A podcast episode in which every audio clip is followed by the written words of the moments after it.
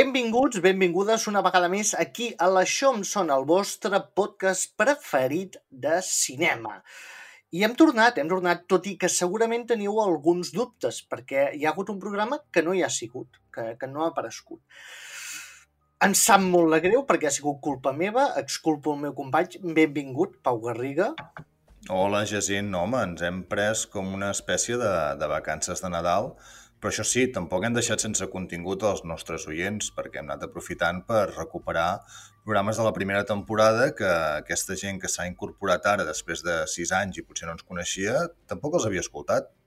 Sí, i també serveix per mirar de què opinàvem d'aquelles pel·lícules ara i la visió que n'hi ha actualment, que aquestes coses canvien. Tu estrenes una pel·lícula, és una merda, i al cap de 10 anys és una pel·lícula culta. Digue-li, per exemple, el que va passar amb Pesadilla antes de Navidad, que es va estrenar, no va tenir èxit, i al cap dels anys s'ha convertit en un fenomen. Més de marxandatge que altra cosa, però un fenomen. De fet, si n'haguéssim fet a l'Això em sona en aquella època, no sé què em haguéssim dit en aquest moment. Doncs no, Mm, bueno, ah, està bé, està bé. A mi és una pel·lícula que m'agrada, una mica llarga, però m'agrada. Sigui com sigui, hem tornat i portem un tema molt interessant que són les adaptacions cinematogràfiques de videojocs.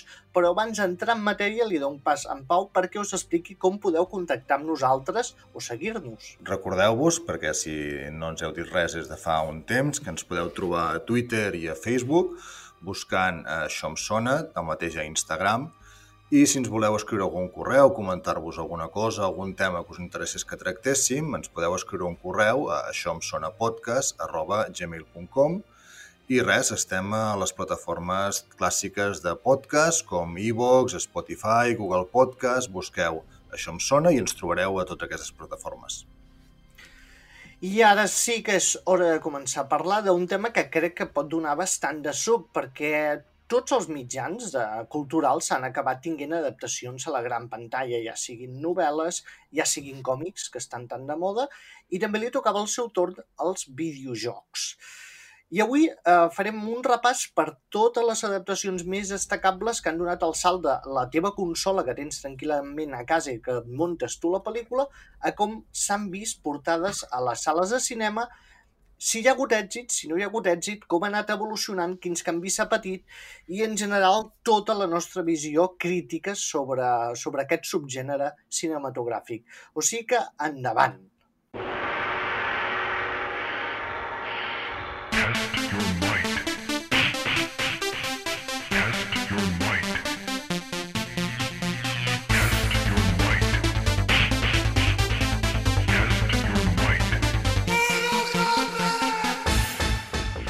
Fet, parlant una miqueta i preparant el programa, eh, hem decidit dividir-lo una miqueta eh, en parts.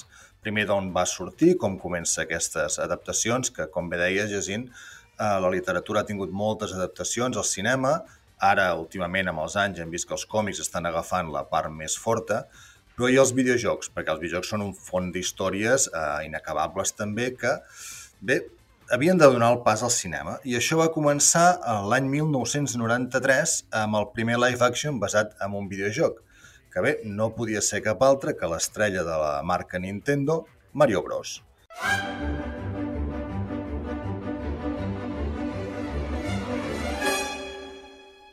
Va ser dirigida per un matrimoni Rocky Morton i Annabelle Jenkins, un matrimoni que després d'això no ha fet res més, això ja ens fa entreveure què va passar amb la pel·lícula, i està protagonitzada per Bob Hoskins, John Leguizamo i Dennis Hopper, o sigui, ojo el repartiment, que, que tampoc estava malament, tot i que Dennis Hopper, en una entrevista que li van fer bastant més endavant, va confessar que aquesta era la seva pitjor pel·lícula. Uh, no sé si l'has vist, Jacint. Uh, jo el recordo veure-la en el seu moment i, i al·lucinar bastant perquè allò no era el Mario Bros que jo estava acostumat a jugar. No, la veritat és que també mm, jo crec que l'adaptació pateix molt de l'època que era, que als 90, i que veig que intenten fer una espècie de desafió total per un públic més familiar, tot i que no ho acaben d'aconseguir, acaba sent tot molt creepy, molt fastigós. He de dir per això que en el seu moment em va mm, traumatitzar una mica, entre cometes, però ara que la miro ja siguin adult, veig tantes coses on, on tirar-m'hi de caps i, i, i rebossar-me amb la merda que m'encanta. És una pel·lícula molt entretinguda, que ja us dic, té un component molt creepy, molt raro, molt extravagant, que, que potser ens recorda més a la ciència-ficció europea, però que a mi actualment és una d'aquelles pel·lícules que si no sé què mirar, no em costa gens tornar-la a ficar. Hòstia, no ho sé, no, no ja dic, no l'he tornat a veure des de fa, fa molt de temps, que prou feines el recordo.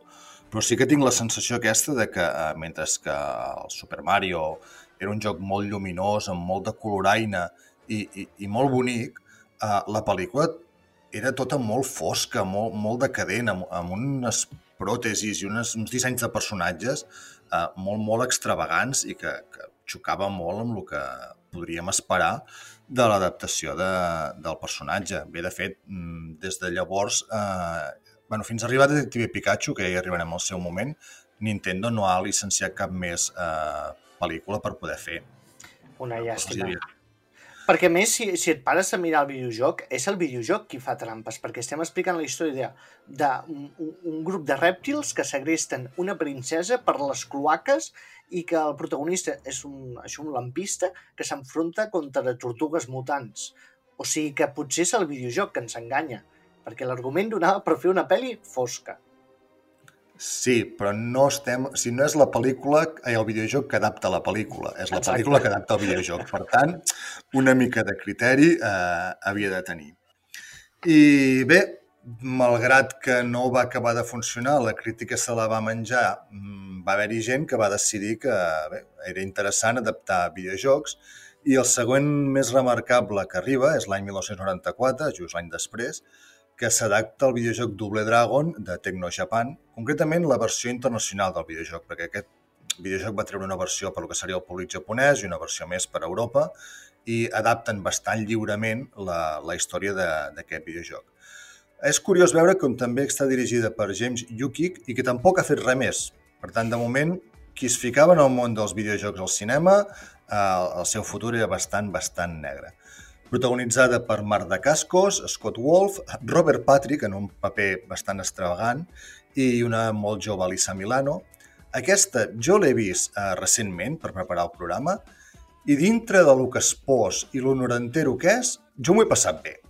És que és una molt bona pel·lícula i m'hauria cabrejat molt si no hagués sortit aquí, perquè té Uh, lo pitjor, que és lo millor dels 90, o sigui que m'encanta. Música així més rapera, uh, estètica aquesta neopunk, o no sé com dir-li, uh, Robert Patrick encucat fins al cul, uh, no sé, uh, l'única llàstima és que es nota que un actor sap lluitar molt bé i l'altre no en té ni santa idea, les coreografies podrien ser millorables en alguns casos, però en general trobo que és un divertimento eh, impressionant. Em sembla que està a Movistar, o almenys estava, la vaig veure jo fa res, i, i, i la veritat, molt recomanable. Jo m'ho vaig passar molt bé tornant-la a veure.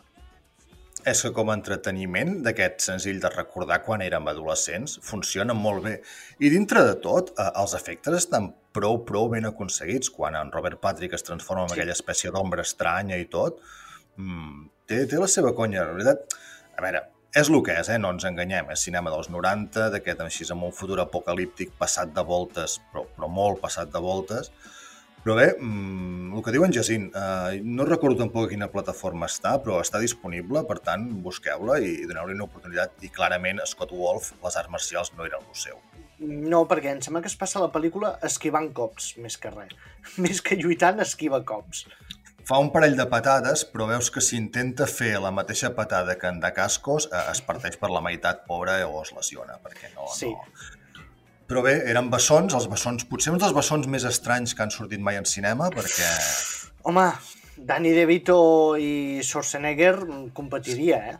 Sí, també, també, cert. Eh, tampoc veig en DeVito fent arts marcials i donant patades voladores no. per allà.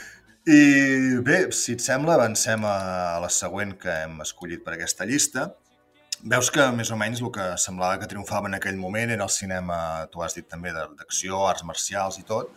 Per tant, era lògic que el 1994 una de les adaptacions que fes el salt a la gran pantalla fos Street Fighter, el videojoc que ho estava patant, eh, sobretot a recreatives. I bé, que Capcom va decidir ficar-hi els calés i assumir tot el que és el control de, de la producció. La història podríem dir que agafa el de Street Fighter 2, tot i que, a veure, és un joc de repartir castanyes amunt i avall, per tant, l'argument tampoc és que sigui res, res de l'altre món. I està escrita i dirigida per Stephen de Souza, que, ojo, mm. aquest paio és el guionista de Comando, Jungla de Cristal i Límite 48 hores, entre altres. Per tant, Aquí ja estem parlant potser de paraules majors. I com a protagonistes, eh, els principals són Jean-Claude Van Damme i Raúl Julia. De fet, eh, bé, són els dos més coneguts perquè es van, es van gastar gairebé tot el pressupost en contractar-los ells dos i en Raúl Julia va confessar que l'havia feta perquè els seus fills eren molt fans de, del videojoc i de fet és la seva última pel·lícula perquè aquell mateix any eh, va morir. Uh, bé, jo en aquella època era bastant fan d'en Van Damme, per tant la pel·lícula em va temptar i era el que realment cridava l'atenció. Si ens recordes el pòster, bàsicament era la seva cara i poqueta cosa més, però en general és bastant, bastant fluixa. Bé, la, el més interessant d'aquesta pel·lícula és que el seu director, com tu has dit, eh, De Souza, ha, ha vingut per aquí a Espanya en una ocasió com a mínim i ha fet bastantes declaracions sobre la pel·lícula i després les revistes se n'han fet ressò i el més interessant és el que hi ha darrere la pel·lícula. Primer de tot, Jean-Claude Van Damme va dir que no a una altra pel·lícula que era una adaptació de videojoc per fer aquesta, uh, va acceptar el paper, es veu que va anar a una zona paradisíaca i que es passava el dia anant de meu que si fotent-se cocaïna, que no el trobaven mai per rodar, que quan arribava estava fet caldo, que tothom anava a la seu puta bola, que el director se li escapava les mans constantment i que va ser un petit infern per tots plegats. A més, recordem que hi havia Kylie Minogue, que s'estrenava al cinema, si no recordo malament, Cert. i bé, un desastre absolut, però que tu ho mires i és tan desastre com Batman i Robin que, que, que, que, que acabes atrapat. Jo me l'he mirat mil vegades i és una d'aquelles pel·lícules perfectes quan vas a fer la barbacoa a casa algú i ja ho ha acabat i són les tantes de la tarda i no saps què fer amb el teu col·lega, mires aquesta pel·lícula fent cerveses i és magnífic. Jo aquí sí que no t'ho compro, això. Jo em sap greu, però és que no... no... A part, era un... Pers... No sé, les adaptacions del, dels personatges era tot... Eh, com t'ho diria? Semblava molt barat tot i, sí. i no, no, no, no m'acabava de convèncer ni molt menys. Però, esclar, jo haig de reconèixer això, eh? Clar, és que veníem de Blanco Humano, de Policia en el Tiempo, per tant, era una època on eh, veies Jean-Claude Van Damme i, i anaves al cine a veure el que, el que fes falta i que sortia ell. I, i encara t'ho compro menys quan després, eh, l'any següent, surt la versió de, de Mortal Kombat, que tinguent en compte les seves limitacions, perquè, perquè en té, i a més a més que no és ben bé el que esperava, eh, jo m'ho vaig passar teta amb aquesta primera part, dirigida per Paul W. Anderson, eh, amb Christopher Lambert, un dels meus mites d'adolescència, i Robin Shu, i a més a més és una, la primera, podríem dir, adaptació que ho peta a, a taquilles, perquè va costar 18 milions, res, que és molt poca cosa, i em va aconseguir recaptar 122. Vull dir, això és un èxit que també després, en la segona part, li passarà a factura. Sí, uh, primera pel·lícula que vaig anar a veure al cinema sense supervisió adulta i que m'ho vaig passar teta i he de dir que aquesta pel·lícula té mm, diverses coses que crec que fan que sigui potser la millor adaptació que hem vist mai d'un videojoc a, a, a la gran pantalla. Un, que manté l'esperit. Dos, els efectes especials, tant pràctics com digitals, estan fets increïblement bé per lo, lo que és i tres, que té un puto temazo que encara ara a vegades l'escolto de nou i que a casa meu és quasi un himne. O sigui que em trec el barret davant d'aquesta pel·lícula, a més el director ha demostrat que valia per fer aquestes coses i a més a més aquesta és la pel·lícula que va rebutjar protagonitzar Jean-Claude Van Damme per fer Street Fighter, o sigui que et follin. es va equivocar de, de mig mig. Jo no, no coincideixo amb tu que sigui la, la millor adaptació. Per mi són... En diria dos, que les parlarem d'aquí poc, però realment és un, és un magnífic entreteniment. Jo m'ho vaig passar molt bé, tot i que és cert que jo suposo que gran part de la recaptació que té és perquè molta gent esperava veure la sang i la, les vísceres que veien al videojoc i que aquí van veure una miqueta, miqueta retallades. Bé, hi ha una versió completa que, que es demana des de fa anys que, que es projecti, bueno, que es fiqui a la venda, que és Uncensored, que, que li tinc moltes ganes i l'Anderson sempre ho diu, que el dia que pugui recuperar els drets la vol estrenar. Hem de demanar, com es diu, l'Anderson Cat, no? Exacte. Eh, bueno, que faci un Mortal Kombat de 4 hores i en blanc i negre. Bé, ara que tenen la nova versió, a veure si aprofiten. Nova versió produïda per James Wan, amics. Preparem-nos. Sí, perquè recordem que va tenir una seqüela al cap de 3 anys, no, un parell d'anys em sembla, que era Mortal Kombat Annihilation, on no repeteix... Bueno, Christopher Lambert, evidentment, va cobrar el xec de la primera, se'l va anar a polir i no el veus mai més. Uh, es queda en Robin Shue perquè es veu que tenia un contracte de tres pel·lícules, per tant es va veure com obligat a fer aquesta segona. La tercera, com que ja directament la productora la va cancel·lar, uh, es va salvar. I jo en aquesta és la segona, no, la primera pel·lícula de dos que m'ha passat que m'he dormit mirant-la. Recordo eh, anar-la a veure amb ganes, a més a més estar gairebé sol a la sala de cinema i, i despertar-me i potser havia passat mitja hora, tres quarts, que no, no, no me'n recordo de res de, del que havia passat. Per tant, eh, jo aquesta és nefasta, molt dolenta. És una d'aquelles coses que no s'expliquen. La primera funciona molt bé, uh, tot l'equip volia repetir, però la productora estava encaparrada que no volia donar més pressupost, sinó fins i tot retallar-los. I per això va marxar molta gent i va acabar sortint això, que és un, un, un telefilm, diguem-ho diguem un propietat, perquè tot i que és una pel·lícula, té, té producció de pel·lícula petita de televisió. Sí, perquè és curiós, eh, dins el que dèiem comentaves abans, dintre de les limitacions que tenia la primera, els efectes eren molt resultons i, i bé, tot funcionava bastant bé. No sé, fots un baixón espectacular en, en aquesta segona. Mm.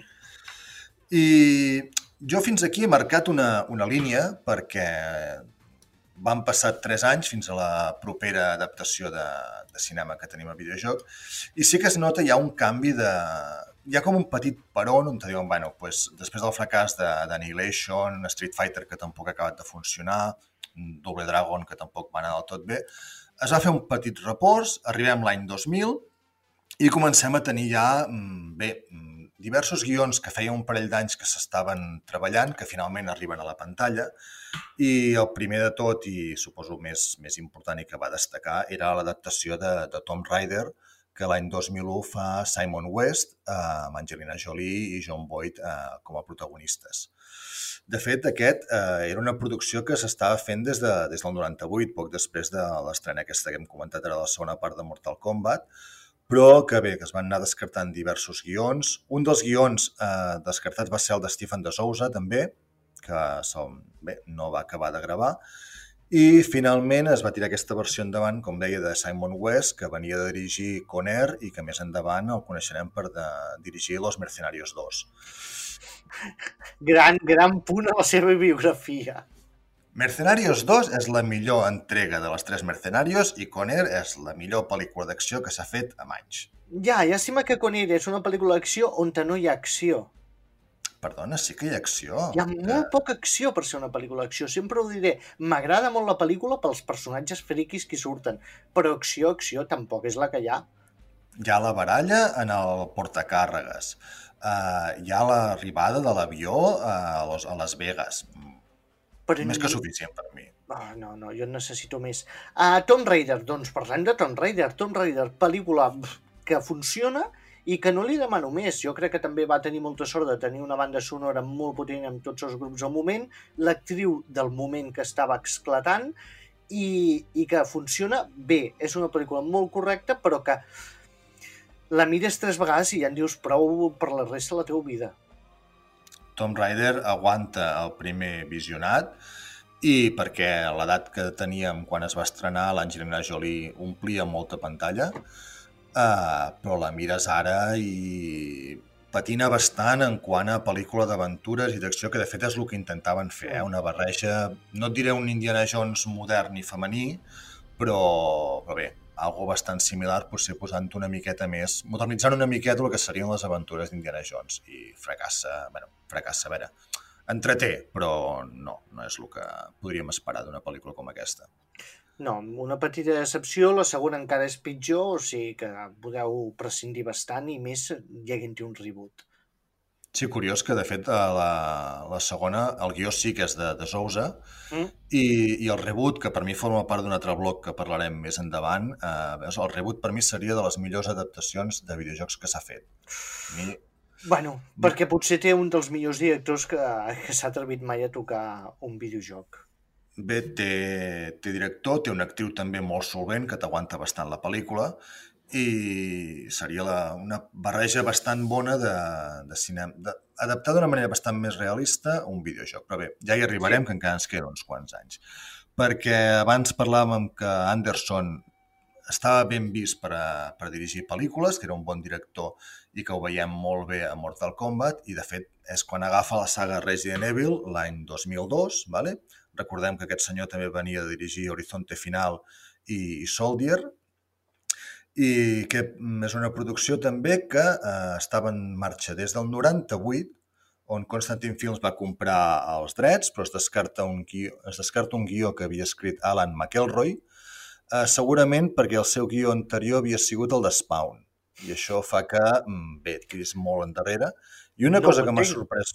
Perquè no, no, Spawn perquè... és una pel·lícula molt correcta i que jo vaig mirant cada certs anys perquè és una pel·lícula que m'entreté moltíssim. No sé quin problema té la gent amb Spawn. Els efectes digitals són els de l'època, amics. No es pot demanar més. Com, Sí, però com a fan del còmic Spawn que té des del número 1 el dia que va sortir fins a no me'n recordo quin número, eh, és una puta merda.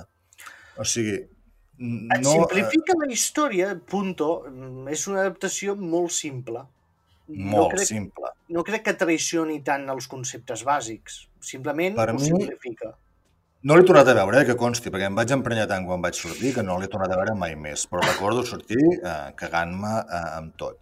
I una cosa que m'ha sorprès molt, que no sé, algun dia potser, potser tu ho saps, algun dia s'explicarà, és que es va, es va descartar un guió de George Romero a guió i direcció de George Romero i guió i direcció de John Carpenter. Clar, a veure, estem parlant de dos mestres, si pel·lícula de zombis, dos mestres del gènere, i se'ls descarta. Bé, uh, perquè són dos directors que tenien els, col els collons pelats, volien fer la pel·lícula a la seva manera i no volien vendre simplement ninots, sinó que volien que la gent es cagués al damunt. I jo crec que amb aquesta pel·lícula el que buscaven era un públic adolescent que comprés ninots i que tingués una mica de por. Bé, una mica de por, però per al tipus de pel·lícula perquè com a adaptació és, és, com a adaptació sí que fa por perquè mm, es passa bastants conceptes pel forro, fa barreja de dos, de segona, tercera part així per lliure i, i no ho sé, vull dir, és entretinguda, eh, Mila Jovovich amb les cintes d'acció té, té un quelcom especial que la fa, bé, fa que funcioni amb aquestes pel·lícules i, i poqueta cosa més, perquè realment com a... Si el que tu agafes és la versió Resident Evil i vols adaptar al videojoc, eh, per mi aquí fracassa totalment. També no. està pendent d'un reboot sí. i ja ho veurem.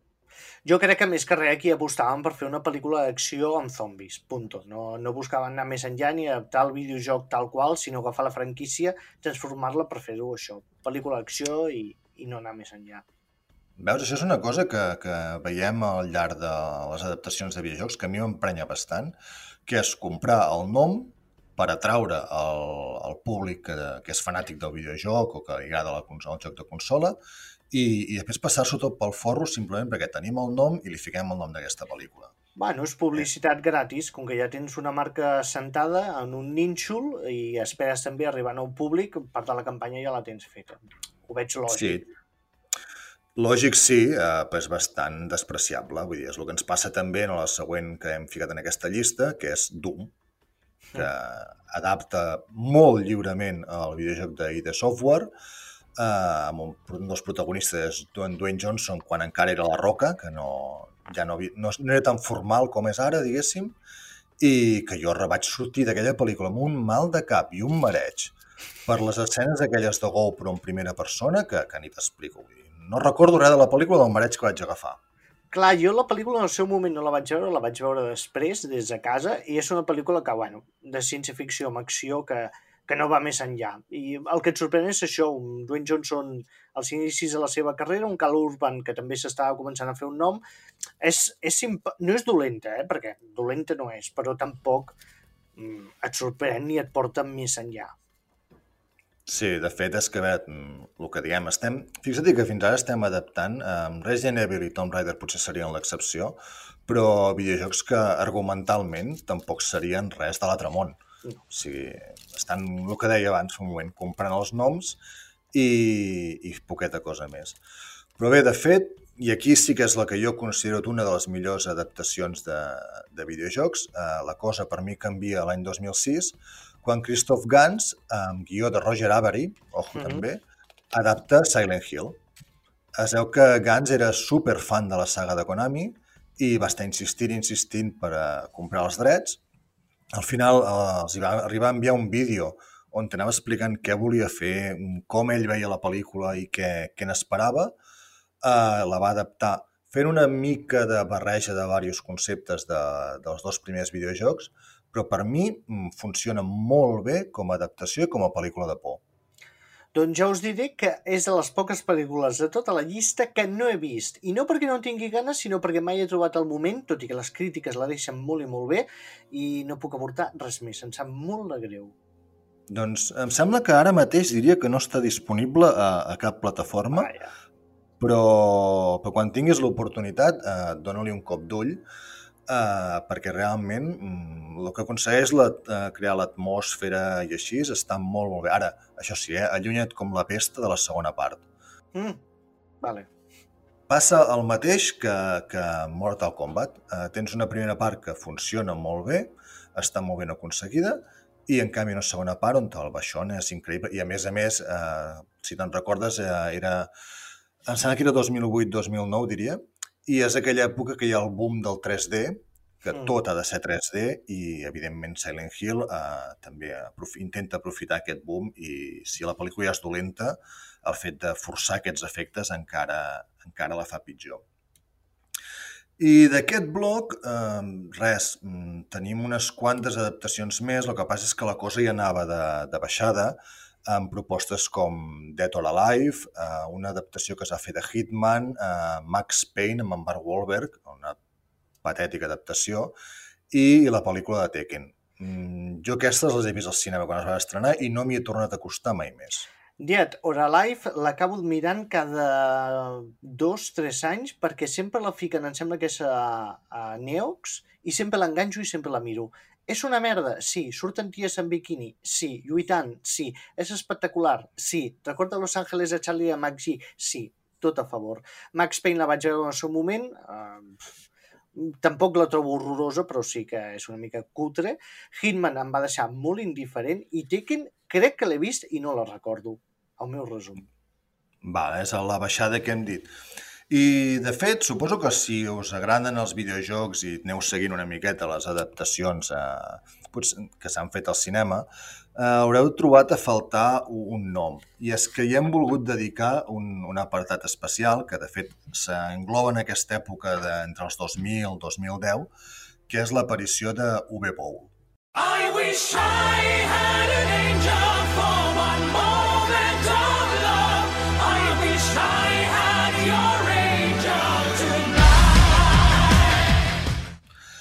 UV Bowl eh, gairebé diria que és del pitjor que li ha passat al cinema des del 3D. Dir, és un director... Sí, sí, és un director nascut l'any 1965 i dic director per dir-li alguna cosa, que bé va començar dirigint pel·lícules de baix pressupost que finançava ell mateix, una mica de terror, una mica d'així de gènere negre, i que eh, el 2003, no sé ben bé com, va aconseguir fer-se amb els drets de, de House of the Dead. Val? Eh, adaptació del videojoc, un videojoc en primera persona, molt de recreativa, on t'anaves amb una pistola matant zombis. Eh, el xulo del videojoc és que en aquest cas tenies físicament la pistola a la mà i podies anar, anar disparant. I a partir d'aquí, tot i eh, el fracàs econòmic i el fracàs amb crítica que va ser eh, House of the Dead, el senyor va començar a comprar, i és més, li venien els drets de videojocs, i ell, en qüestió de 5 anys, va fer House of the Dead, com hem vist, Alone in the Dark, la primera part. Blood Rain, més dos continuacions. Postal, In the Name of the King, amb dos continuacions més, i Far Cry, el 2008. Tots unes aberracions que no sé en quines has vist tu, però jo per mi Alone in the Dark és el pitjor que s'ha fet mai a la història del cinema. No, no, he vist coses molt pitjors, he vist coses molt pitjors. A veure, jo d'aquest senyor, què em puc dir? Les seves pel·lícules són dolentes? Sí. Te les pots mirar i tu passes genial mirant-les? També, de lo dolentes No. que són. Tu passes molt bé, molt. Perquè a, a, a mesura que tens una edat, has mirat tots els clàssics, eh, intentes entendre de cinema, t'obsessiones, intentes estudiar. Quan veus una pel·lícula que no funciona absolutament res, et preguntes per què no funciona i com han arribat allà. I clar, aquest senyor és que no només aconsegueix això de, de tenir videojocs, que, que et ven la pel·lícula sol, també aconseguia actors reconeguts per participar a les seves pel·lícules de baix pressupost. O sigui, em trec el barret davant d'aquest senyor, aplaudeixo i visca els seus sants pebrots per aconseguir el que va aconseguir. Perquè hem de dir una cosa, les pel·lícules seves al cinema no funcionaven, però en qui encara es anava al videoclub i sempre estaven llogades. És que Alone in the Dark, seguint això que dius, té Christian Slater, Tara Reid i, Stephen Dorff. Sí. En el seu millor moment tots. O sigui, Clar, jo, bueno, Tara Reid no ha tingut mai un millor moment, eh, sí, reconeixem. American Pie. Vale, és, bueno, té un moment, té un petit instant de, de, de brillo. Però o pagava amb coca o, o no ho entenc, Segurament. perquè... Mm, no, no, i a més, i a veure, In the Name of the King té Statham, eh, com a protagonista també. I va Reynolds, si no recordo malament. Hòstia, ja, això ja no ho recordo. Sí. Però Déu, déu nhi bueno, els dos, en Statham pujava i Reynolds baixava. es van trobar uh, en el punt intermig. Però uh, no, o sigui, jo m'ho passo molt bé, per exemple, mirant les pel·lis de d'Asylum, uh, perquè sé que estan fetes, estan mal fetes expressament, uh, se'ls infot, però aquest tio intentava fer uh, pel·lícules sèries de, de títols uh, coneguts i jo, l'Alone in the Dark, m'encanta m'encanta la saga de videojocs, eh, sobretot als inicis, i, hòstia, l'aberració que va perpetrar aquest home eh, en pantalla, me dic, més pitjor encara que el que s'ha fet amb Aladdin amb, amb live action, eh? Mira que a mi es diu molt això. Estimat Pau, a mi m'obligues a tancar-me a una cel·la, a un zulo, amb un reproductor de DVDs, i um, només puc escollir dos directors als quals mirar per la resta de la meva vida fins que em mori i em fiques Christopher Nolan o Uwe Wall i adivina qui guanya. A veure, els drets humans eh, han prohibit la tortura, per tant, bé, vol, no te'l pots emportar enlloc. Uwe Wall perquè almenys m'ho passo bé i no té infules uh, més enllà de que sap boxejar. O sigui, només No no, per això i retar els crítics a un combat de boxa ja té els meus respectes i estimació. Tu imagina't la repercussió eh, o l'estima que té el personatge que el 2008, eh, a través del diari The Guardian, es va proposar una, una firma de signatures perquè es retirés de, de la direcció. Va aconseguir un milió de firmes. O sigui, un change, abans del change.org es va fer un change.org perquè UV Ball deixés de tocar els collons eh, al cinema. I encara el 2016 va tenir els nassos de demanar o intentar voler fer la versió de Warcraft.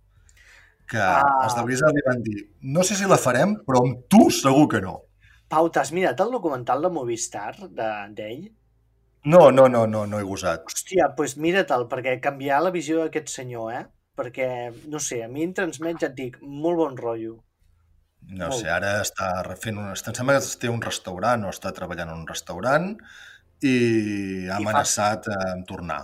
Sí, sí, es veu que vol fer això, pel·lícules sense pressupost. Com I acabarà, acabarà guanyant a algun festival d'aquests a Sundance o així i fliparem tots. Ja veuràs, ja veuràs. El temps ens ho, ens ho dirà. Uh, bé, i Uwe Boll realment volíem fer només un, un apunt a part perquè creiem que, que es mereixia una atenció especial. Més, a- més a la persona que a les pel·lícules, Sí. però bueno.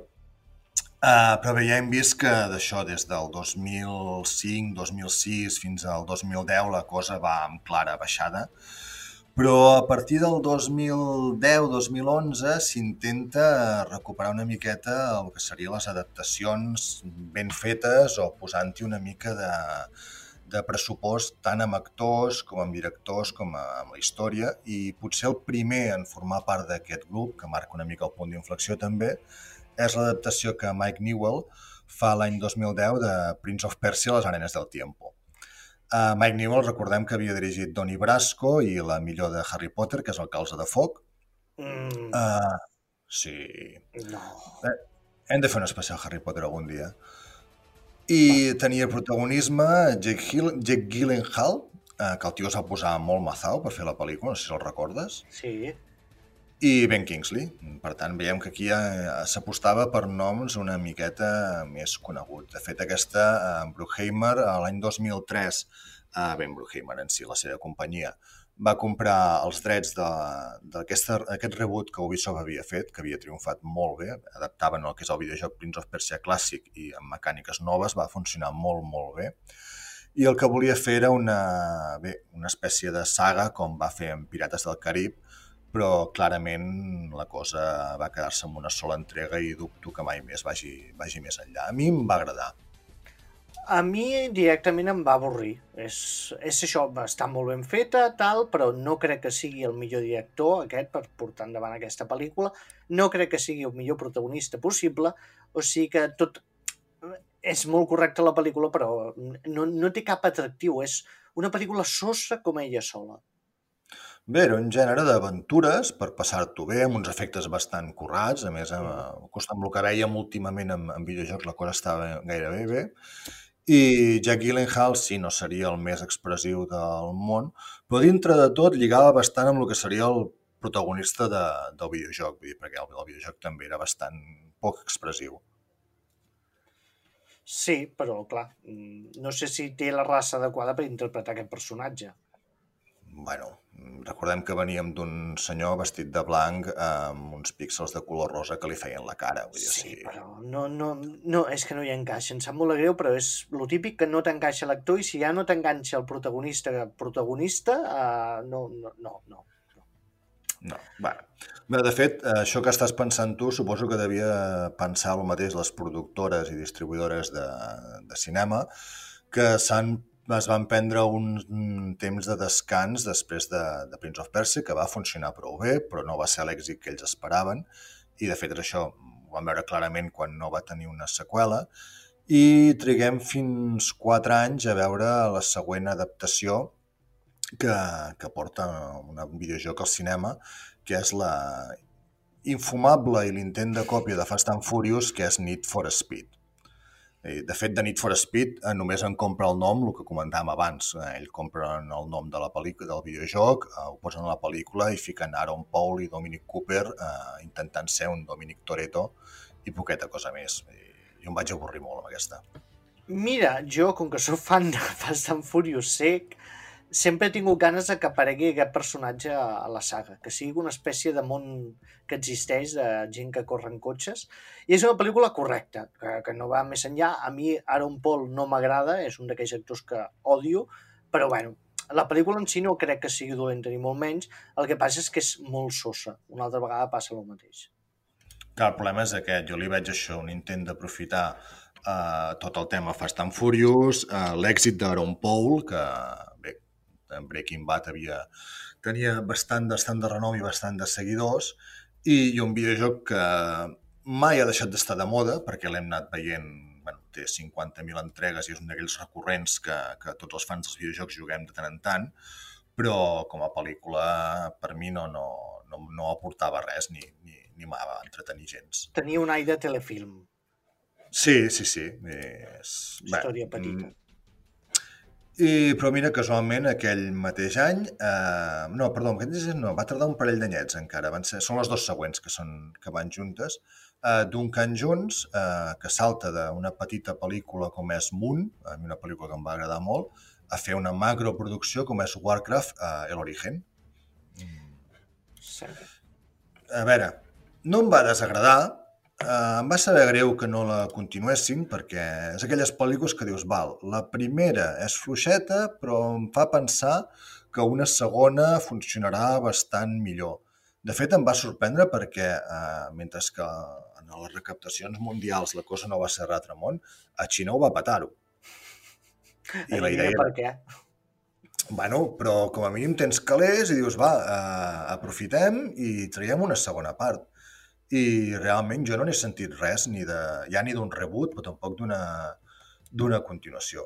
No sé, els efectes estaven prou ben, ben fets. La història no ho sé, perquè jo uh, el Warcraft o la part en què es basa del Warcraft, jo vaig deixar de jugar amb el Warcraft 2, uh, no vaig acabar de seguir si era la història bé, feia una hora al videojoc, però la pel·lícula en si jo la vaig trobar bastant, bastant entretinguda. Jo el gran problema que tenia era que la història no em motivava absolutament gens, que veure aquests, com es diuen ells, monstres aquests, mm, ogres o què són? Sí, serien orcs, ogros o què sé, sí. Doncs clar, és que veure les fèmines d'aquesta raça em feia riure, jo, jo no vaig poder aguantar.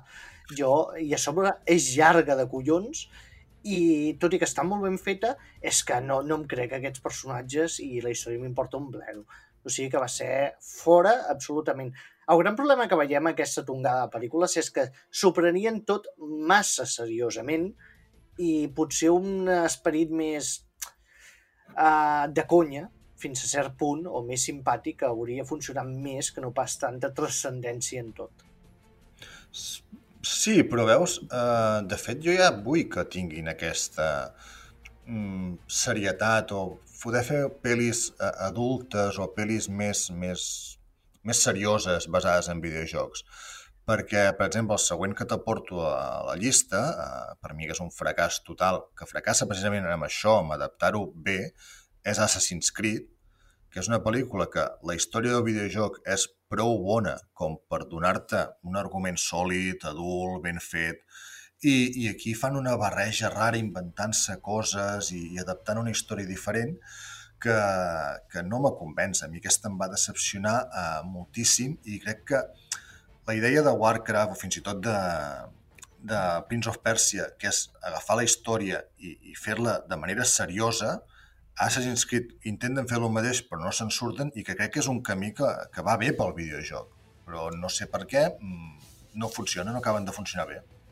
Bé, eh, des del moment que el protagonista també és el productor de la pel·lícula i acaben de fer una pel·lícula amb el director que és absolutament diferent, superpoètica i tot això, immiscuir-se en el camp de, del, del videojoc, adaptar un videojoc que estava molt de moda en aquell moment, jo crec que era intentar anar a fer pasta gansa com bojos, i això crec que es nota bastant a la pel·lícula, que és anem a fer una pel·li pels fans que s'ho passin bomba, no sé què, i, i ho anem a patar. I no, amics, no, no, no em crec absolutament res, avorrida, uh, has de fer un salt per començar la pel·lícula que ja no et funciona, no t'ho creus, res del que t'expliquen. O sigui que per mi va ser un fracàs, però absolutíssim. Sí, i a mi m'emprenya més amb el fet aquest de que podrien haver agafat tranquil·lament la, la història original de, de l'Assassin's Creed, el, fins i tot et diria la de l'Assassin's Creed 2, que potser la cosa millora bastant, i fer una adaptació. No sé per què aquesta mania de, de voler com separar una miqueta el que seria la història del videojoc de lo que seria la història de, de la pel·lícula. Dir, no, no, adaptem el videojoc, però ho fem una mica a la nostra manera, bé, on que ja s'ha explicat la història del videojoc per una banda, eh, volem bé, agafar l'essència i portar-la al cinema. Joder, amb els llibres, oi que bé agafes la història del llibre i la passes directament al cinema fent petites modificacions? Doncs no entenc per què ningú s'atreveix o, o veu l'opció de fer això eh, amb els videojocs també, no, no ho entenc. És que és complicat, perquè les adaptacions literàries eh, cadascú té la seva pròpia visió i en canvi el videojoc tothom té la mateixa visió quan hi juga. I això crec que és el que diferencia més una adaptació literària d'una d'un videojoc, que és això, tothom ha jugat a lo mateix i sap exactament el que ha de veure, com ho ha de veure i tal. Pots jugar tan poc, però clar, si no canvies alguna cosa és que queda't amb el videojoc és que els videojocs, eh, siguem sincers, grans històries que realment impactin, no n'hi ha. No existeix això, de moment. Això t'ho discutiré molt, eh? No hi ha grans històries que siguin històries per si, per si soles interessants. Són històries que poden encaixar molt bé per les mecàniques d'un videojoc o per X motiu, però com a històries pures que transcendeixin per la seva història, no existeix Mm, a veure, jo només, eh, i saltant els, potser els més, els més coneguts, eh, te diria, per exemple, hi ha la saga uh, Last of Us, tant la primera com la segona part, que adaptats cinematogràficament tal qual en el videojoc seria de les millors històries que puguis tenir. Vull dir, com a videojoc transcendeix ja la mecànica, eh, els personatges, perquè la història mm, està tan o més treballada que molta literatura o molts, moltes adaptacions cinematogràfiques que hagis pogut veure. A mi personalment hi ha un que es diu Detroit Become Human, que sí que és cert que aquí jugo una miqueta amb que tu t'impliques emocionalment perquè és, no et diré un trio la teva aventura, però sí que la història va cap on tu la vols que vagi, si tu assumeixes el rol de protagonista prenent decisions morals, però el treball argumental que hi ha allà sota és, és espectacular perquè cada petita decisió que prens eh, té ramificacions, té conseqüències i, i t'aporta uns dilemes morals de què faries tu, però què faria també el personatge i com a història és brutal. Però, I Pau, ha... aquí hi ha el gran problema. Si una història és bona, el, el, que, el que hi accedeix no hi pot participar. I és el que fa gran a una història que una història funcioni vol dir que el creador l'ha creat i que no pot haver-hi cap variació, perquè aquella és la història que vol explicar i es manté per si mateixa. Des del moment que tu t'intromets i pots prendre decisions o fer les accions, deixa de ser una bona història per si sola per ser una bona història per jugar-hi. Veus? No, en aquest cas, per exemple, Detroit eh, podria entrar dintre d'aquesta part que dius, perquè realment la història l'escrius tu, amb les decisions que et deixa prendre el joc, però uh, Last of Us, o un exemple més, potser més desconegut, però que però és Last un, of Us no és lo de sempre. Què vols dir, lo de sempre? Un mm. grup de persones que sobreviu en un món postapocalíptic. Sí. I la relació i quan... que s'estableix entre ells. És que ho més hem vist mil vegades. Sí, però no explicat d'aquesta manera, segurament, o com altra. Potser sí, però vull dir, és una manera, es agafa una història que potser sí que ja hem vist, més semblant, et diria, a The Road, per exemple, sí. i, i la passa a videojoc, però bé, li dona uh, la seva la, la seva personalitat, la seva, la, allò únic que fa que sigui una història original i, i et permet viure-la i, i jugar-la, perquè les decisions que tens en aquest cas uh, són una miqueta més, més, més limitades. Però, per exemple, hi ha un que es diu Alan Wake, que és d'una generació mm. passada, que com a història és espectacular també. Aquí les decisions són mínimes.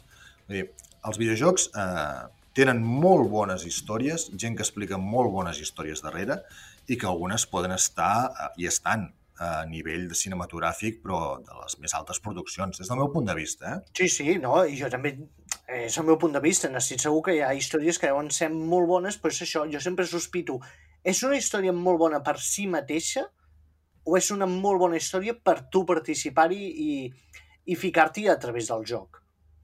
Mira, jo, lligant una miqueta amb el que deies abans de les històries mil vistes, eh, deixant de banda alguna mecànica única que pot tenir alguns videojocs en concret, eh, moltes de la manera de jugar mm, ja saps com van. Si tens eh, història jugant a videojocs i saps com, com funcionen, realment hi ha poques mecàniques que t'arribin a sorprendre. Per tant, el que t'atrapa, o almenys en el meu cas últimament dels videojocs, és que la història m'entrapi, m'enganxi i vulguis saber més de què li passa al protagonisme, per què li passa i com aconseguirà sortir-se'n, tot i que tinguin en compte que com serà co cosa meva, perquè sóc jo qui el fa anar.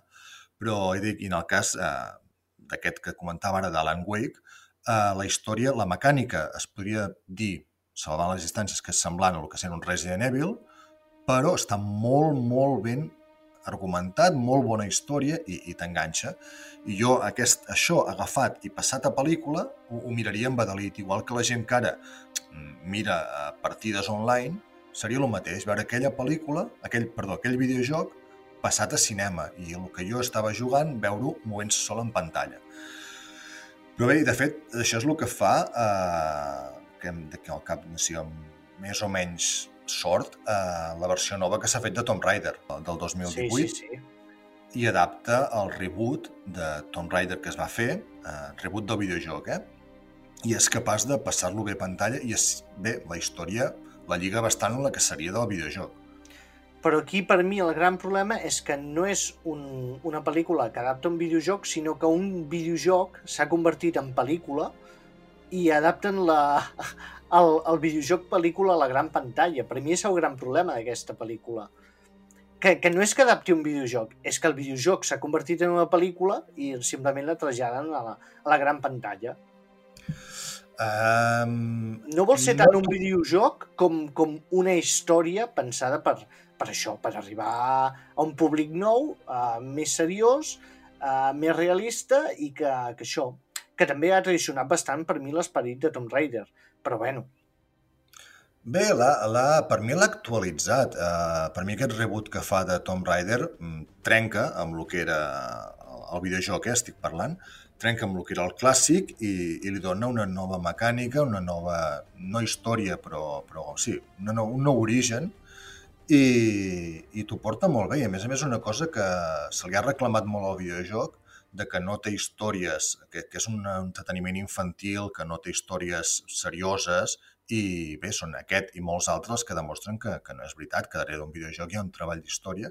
Sí que és cert que s'ha tornat una miqueta més cinematogràfic, però bé, mm, és curiós perquè fa anys li reclamàvem això de que les mecàniques eren molt simples, molt infantils i molt bàsiques, i a mesura que ha anat evolucionant i s'ha tornat eh, més adult i més profund, Ara a vegades li reclamem tot el contrari. Però bé, no estem...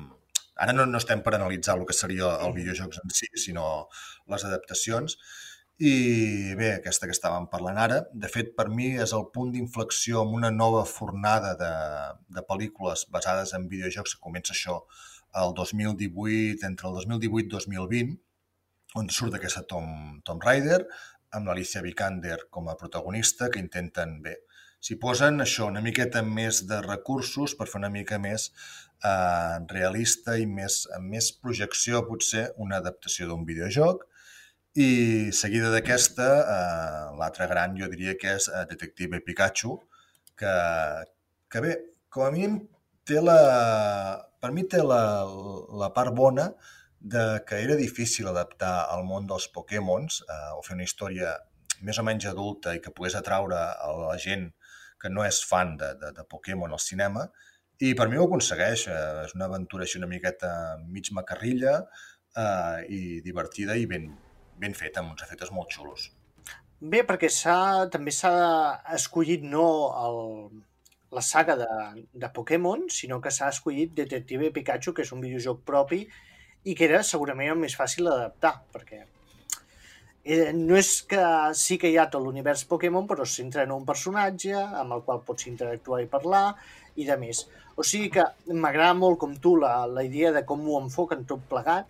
A més, crec que té uns aires més de pel·lícula de finals dels 80, principis dels 90, amb aquest punt de, de fantasia, màgia, té aquest punt detectivès que sempre funciona i crec que és una bona adaptació, una gran pel·lícula. Passen molt sí. molt bé té el punt aquest també de robat mòbil, de dos personatges sí. que no, no diré que no se suporten, perquè no seria el cas, però sí que són totalment, radicalment diferents. I, i bé, és divertida. A més a més, crec que és d'aquelles que juga una miqueta amb el públic potser més infantil, eh, li agradarà veure els Pokémons movent-se per allà, i té certes brometes i certs dobles sentits que els que ja som més grans o adolescents eh, també ens atrau. Jo m'ho vaig passar bé amb aquesta. Sí, molt, molt recomanable. Sí, i l'altre que, bé, podria seguir una mica l'estela de, de TV Pikachu és, és Sonic. Uh, Sonic no l'havia vista, l'he vist fa poc i què vols que et digui? Jim Carrey m'agrada perquè està una mica com desbocat i s'ho passa bé, uh, però la pel·lícula en si, bé, és, és massa senzilleta o massa, massa bàsica potser per, per, per aportar res. Sí que és cert que en Sonic té... Aquest sí que té un punt macarra que m'agrada bastant, però, però bueno, passable, poca cosa més en diria jo. Jo és que no l'he vist, la veritat, però és que és, pertany a aquell subgènere de pel·lícules que mai m'han acabat de convèncer, que és en James Marsden amb un personatge digital. Que em sembla que ja en sí. porta tres i, i ja és, mira, uh, passo. Em, em pica la curiositat, eh? l'acabaré veient, però no és d'aquelles que tingui cap pressa per veure-la. Ja t'he dit que és, és entretinguda. Mm, te l'has de mirar potser rebaixant uns 15-20 anys l'edat mental i t'ho passaràs bé. El personatge està ben fet, a més a més és un cas curiós d'aquesta, perquè no sé si te'n recordes que Mm. va sortir un primer tràiler on en Sonic era tot menys en Sonic i, i la gent se li va tirar a sobre, van dir que, que, que era això, que aquell personatge que no, allò no era el Sonic que ells volien, que sisplau que es refés, i de fet hi va haver un treball de refer tot el que seria els efectes amb el personatge d'en Sonic per agafar el format eh, bé clàssic que, que tots coneixem. Dir, aquí una, un aplaudiment per Sony que va dir, tu, escolta, mm, hi ha això, hi ha aquesta gent, escoltem-los i, i evidentment no volien perdre calés perquè sabien que si ho presentaven un Sonic tal com era la primera versió, eh, molta gent no hagués anat a veure la pel·lícula. Però bé, mm, un entreteniment senzill, el que dius, en James Marsden fent el que més bé sap fer, que és parlar, en aquest cas és un conill de Pasqua, d'altres és un nariz blau que ve, que ve de l'espai, i bé, una història no sé, com a mínim es fa difícil pensar com adaptaràs un porc-espí blau que va corrent per un lloc que es diu Green Hills. I, i bé, amb una mica de trampa i cartró se'n surten prou bé. Recordem que va ser una de les últimes grans pel·lícules que va tenir una reputació bastant bona abans de, de la pandèmia, o sigui que no sé per què no ha competit als Oscars. Sí, a, a millor actuació per a en Sonic, segurament. I aquí és on estem ara, perquè de fet és el que dius, evidentment, amb el tancament de, de sales, tancament de producció, eh, no tenim cap més estrena ara mateix d'adaptacions a videojoc. Sí que és cert que el futur sembla que la cosa pinta interessant, perquè jo que tingui apuntat tenim un nou remake, bueno, reboot seria de, de Mortal Kombat, que pinta bastant bé. Mm. En Tom Holland, que s'ha posat amb Uncharted, Eh, és un Uncharted és d'aquests projectes maleïts que cada X anys eh, vas sentint que comença la producció, que un actor o un altre es rumoreja, però bé, ja hem vist eh, aquí és Spider-Man eh, vestit i amb fotos de rodatge, per tant sembla que aquest cop la producció sí que, que tira endavant. I què més tenim? Tenim un reboot de Resident Evil, on sembla que aquest cop sí que intentaran adaptar el que seria la història de, del primer videojoc, mm, potser una mica més seriosa que, que el que havíem vist de- d'Anderson, que, si no m'equivoco, va fer sis entregues de la, de la saga Mm. i la cosa ja havia, havia degenerat bastant. Les últimes, de, diria que l'última crec que ni l'he vista. Hòstia, jo et diria que les he vist totes. Sí? Per bé o per mal, les he vist totes. tens estómac dur. I, i res, altres títols així per anar acabant que sembla que hi haurà adaptació és Borderlands, un shooter en primera persona que té tres entregues. Uh, Microsoft va anunciar que també Gears of War, una altra, bueno, una d'acció tindria una adaptació. I Metal Gear Solid, uh, que ha presentat a Jason, uh, Oscar Isaac, perdona, no en Jason, l'Oscar, uh, com a protagonista i també arribarà al cinema. Uf. Bueno, no n'hi ha cap que em motivi gaire, a part de Mortal Kombat, que sí que em pica la curiositat. Però, a veure, ha, estat molt bé aquesta feina que has fet. Eh, Aplaudiu-lo perquè tot el treball d'investigació l'ha fet aquesta vegada en Pau, o sigui que enhorabona. Però crec que com a representant de cert actor eh, del seu club de fans a Catalunya, eh, crec que t'has deixat una pel·lícula. A veure, quina me sorprendràs ara? Crec que t'has deixat Píxels. Ah, el teu estimat Adam Sandler. Sí, Sí, aquell que fa segurament. pel·lícules de Halloween i coses així. Sí, Sí. sí.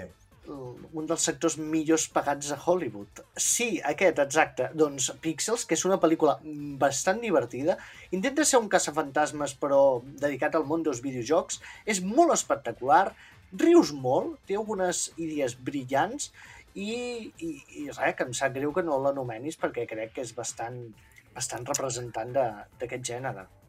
Clar, però com que parlàvem de- d'adaptacions d'històries Adapta de Pac-Man. Adapta Pac-Man, no. adapta Tetris, adapta l'Snake, adapta... És que sobre n'adapta no sé quants. És com Però si un és juego puc- reunidos.